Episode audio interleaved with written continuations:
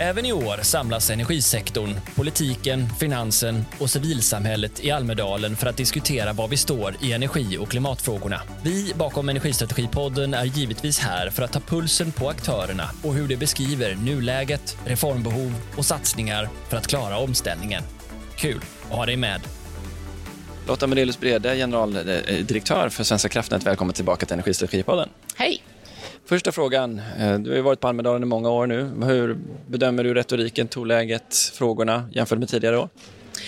Nej, men jämför man med i fjol så är det klart att det var en valrörelse. Det hade varit ett ganska högt eh, tonläge från, i, just energifrågan som var väldigt het då och eh, har ju varit det sedan dess också. Men jag tycker att det är en liten annan eh, bild nu ändå. Mer eh, likartade synpunkter även om man såklart kan vara liksom, skillnader i detaljer och sådär. Men jag tycker att så det är en annan, ett annat tonläge tycker jag.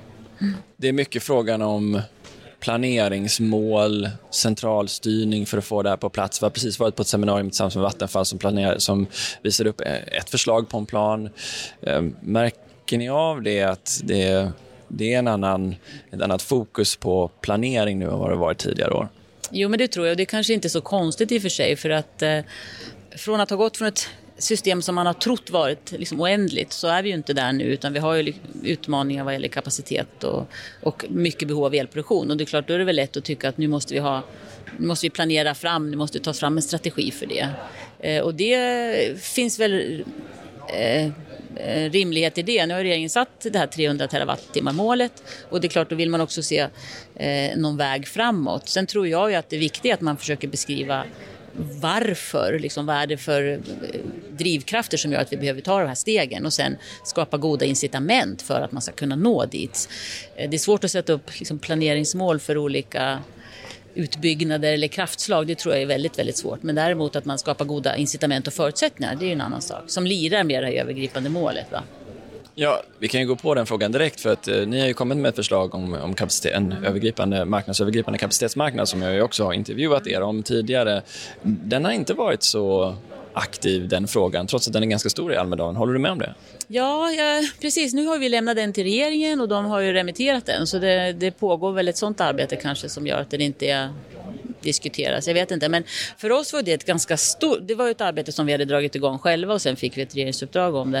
Eh, det är en väldigt stor förflyttning för oss, ska jag säga, eh, att föreslå det här. En kapacitetsmekanism, det är alltså att, att någon aktör, till exempel vi, får i uppdrag att upphandla eh, produktion ett antal år framåt. Skapa en marknad för det eftersom men vi ser ju motiven till det är ju att vi ser att givet den här stora ökningen av efterfrågan på el och givet att det tillförs inte elproduktion i den takten och framförallt inte effekt. Då tror vi att då måste man tänka annorlunda och då måste man skapa någonting som gör att en investerare kan investera i någonting som är eh, planerbart men, och elproduktion i största allmänhet. Så det är en, en, därför så ser vi att det, liksom, det måste till någonting för att skapa de här incitamenten. Annars så kommer vi inte att få elproduktion i takt med behoven. Jag har fått en sån här slagdänga. Jag påminner folk hela tiden om hur viktigt det är att lämna in eh, svar på remisser. Ja, ja, det är bra. Bra, bra, bra. Ja. Svara, svara, svara, svara, svara. Vi hörde också Jan-Olof Jacka här inne som ju är en av alla röster i debatten som påminner om hur desperat vissa delar av industrin nu känner att det är. Givet, han nämnde Stenungsund här, men vi har också pratat med frågan i, i, i Luleå-trakten såklart. Den frågan om att det här inte riktigt räcker till nu och att vi börjar närma oss en situation där vi får göra styva prioriteringar. Hur tror du, eller vad är din känsla av hur det påverkar diskussionen? Nej, men det, för det första så är det självklart att, att eh, ett företag, en industri som har, som har långt gångna investeringsplaner för att öka sin eh, produktion och sen så ser man helt plötsligt att det kommer att vara väldigt utmanande. Det är klart att vi förstår att det är, är inte ett roligt besked att få och framförallt att det är kanske osäkerhet. Och det är därför som vi, vi har ju inlett, vi jobbar väldigt hårt för att korta våra ledtider och också med andra aktörer för att det här ska gå fort. Eh, men sen är det ju så att det har kommit en, en lång kö på väldigt kort tid, ett och ett halv, eller två och ett halvt år. Eh, och eh, den sätt vi har att hantera det här det är att man, ligger man först så får man tilldelning tidigare än om man ligger längre ner i kön. Och det finns ju diskussioner kring det att eh, man borde ta större hänsyn till samhällsnytta eller till industrins konkurrenskraft och så. Och det, det är lätt att, att, tycka det. Eh, och det var någonting som vi tittade på och där vi också haft mycket dialog med regionalföretagen. Men ju mer man tittar på det, ju svårare är det. För vem ska avgöra den här nyttan? Har man två företag, vem ska bestämma vilken business case som är mest trovärdigt. Det är väldigt svårt för någon att göra det. Eh, och man kan också hamna i, i eh, rättsliga överklagandeprocesser och sånt där. Så att, nu har vi fått ett uppdrag, titta vidare på frågan, det är jättebra, eh, se vad vi kan göra. Men den är inte enkel och jag tror att man ska ha väldigt stor respekt för det faktiskt. Ja, precis. De två frågorna har lite blandats ihop här under Almedalen. Men om vi då går på den senaste utredningsförslaget som ni fått, som framförallt handlar om att skapa transparens, mm. att man inte får dubbelbokningar, att man vet hur mogen en, en teknik är när de kommer in med en anmälan. Hur, hur nyttigt tror du det kommer att kunna bli?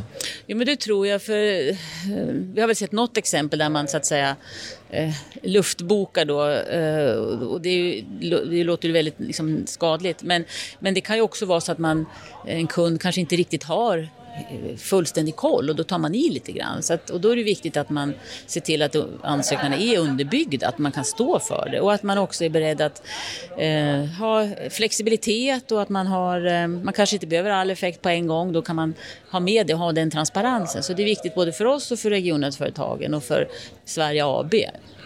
Är det också vettigt att ha ett regelverk för sådana som har fått en väldigt stor tilldelning och även flera år efteråt visar sig använda en väldigt liten del av den? Ja, men det är ju någonting man också får titta på. Eh, så är det ju i vissa fall när det gäller fastigheter. Börjar man inte bygga på, på marken man har tilldelats, då går den tillbaka. Så det finns väl mycket där man kan titta på. Mm. Ni jobbar ju med väldigt många saker på Svenska kraftnät. Ni rekryterar massivt, men det är, det är inte bara en enorm utbyggnad av näten såklart, som Per håller på med, utan det är också i nya elprisområden, det är en marknad, stödtjänstmarknaden som ska utvecklas. Ja, precis, en upp och nedregleringsbehov som bara ökar nästan exponentiellt digitalisering som vi håller på med, både kopplat till de här marknaderna men också till vår underhållsverksamhet och sådär. Förslag på ny kapacitetsmarknad. Ja, vi kan hålla på ganska länge du och jag om det här. Ehm, får ni det credit som du tycker att ni förtjänar här? Ja, jag tycker att vi får väldigt mycket beröm här ska jag säga, så det är väldigt, väldigt roligt. Ja, det tycker jag. Mm. Eh, I vilken mån nu då, om vi blickar framåt, vad, är det någonting du tar med dig härifrån som, som blir viktigt för dig att ta med dig eller är det någonting som du känner var du lägger liksom ditt fokus på här framåt? Eh, nej men det är klart det finns en stor förväntan att vi ska fortsätta att leverera det vi gör men också att eh, kliva fram på olika områden. Så det får vi ta med oss. Eh, en del ligger ju kanske i vårt uppdrag, en del frågor ligger inte i vårt uppdrag idag men där vi kanske själva ser att vi borde ha en större roll och tycker det. Ehm, så att det tar jag med mig och sen att det ändå är ganska stor samstämmighet om att omställningen liksom kommer att ske och att, det, att eh, man inte ifrågasätter att klimatomställningen är en... Den verkar finnas väldigt stor enighet om att klimatfrågan är på riktigt och det är ju bra. Hur tror du att du och Svenska kraftnät kan hjälpa politiken här i höst? Både i diskussioner om hur man ska kombinera ett leveranssäkerhetsmål tillsammans med ett planeringsmål. Vilken roll kan ni ta för att ja, bidra med bransch och nätkompetensen in i den diskussionen, tror du?